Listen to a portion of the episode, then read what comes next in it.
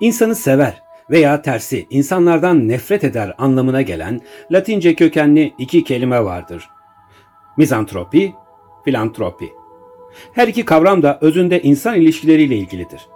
Latince filos kelimesi sevgi, sevilmeye değer gibi anlamlara gelirken, mizos, nefret edilen, tiksinti duyulan gibi anlamlara gelir. Bu bağlamda antropos ise insan anlamında kullanılır.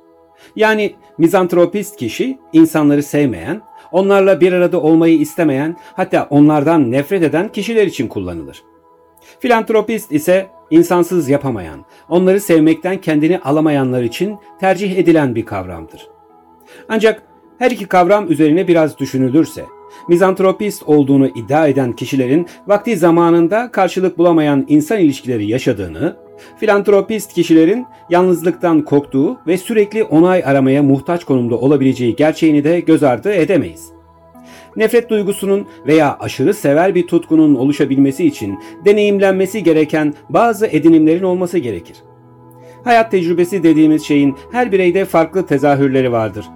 Her insanda hatta her aşamada çocukluk, yetişkinlik, yaşlılık gibi dönemlerde ayrı ayrı dışa vurumu veya içsel tepileri oluşturulabilir.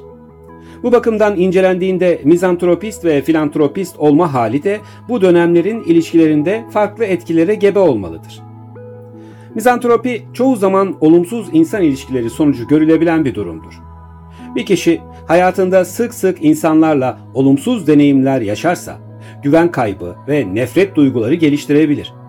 Örneğin birçok kez aldatılmış, haksızlığa, onlar tarafından hayal kırıklıklarına uğramış biri mizantropik eğilimler geliştirebilir.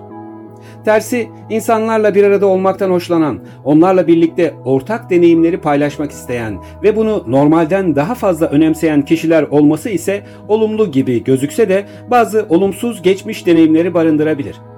Mesela insanlara olan aşırı bağlılık bir tür bağımlılık haline dönüşebilir. Daha önceden de söylediğim gibi sürekli onay arama ihtiyacı, yalnız kalmaya karşı geliştirilen fobiler veya travmatik deneyimler bu bağımlılığı körükleyebilir. Böylesi bir aşırı bağlılık kişinin kendi sınırlarının da ihmal edilmesi anlamını taşır. Aşırı fedakarlıklar, kendini umursamama halleri, hep başkaları için yaşayıp kendini yok sayma gibi. Her iki kavram da bireyin yaşadığı deneyimlere, kişisel özelliklerine, çevresel etmenlere ve yaşam dönemlerine bağlı olarak farklı şekillerde ortaya çıkabilir. Başka bir açıdan mizantropist kişi yaşadığı olumsuz ilişkiler ağından kendini onlardan nefret ederek veya soyutlayarak koruma altına almak ister. Bir çeşit savunma mekanizması olarak iş gören bu kaçınmacı davranış, aynı insanlara zarar vermediği ya da tehlikeli bir boyuta gelmediği sürece bireysel olarak işe yarayabilir. Fakat Yaşanan bu nefret boyutu hayvani bir içgüdüyle birleşirse karşısındaki kişileri insan olarak da görmemeye başlayabilir. Yani bir nevi psikopatolojik evrelerin tutsağı olabilir.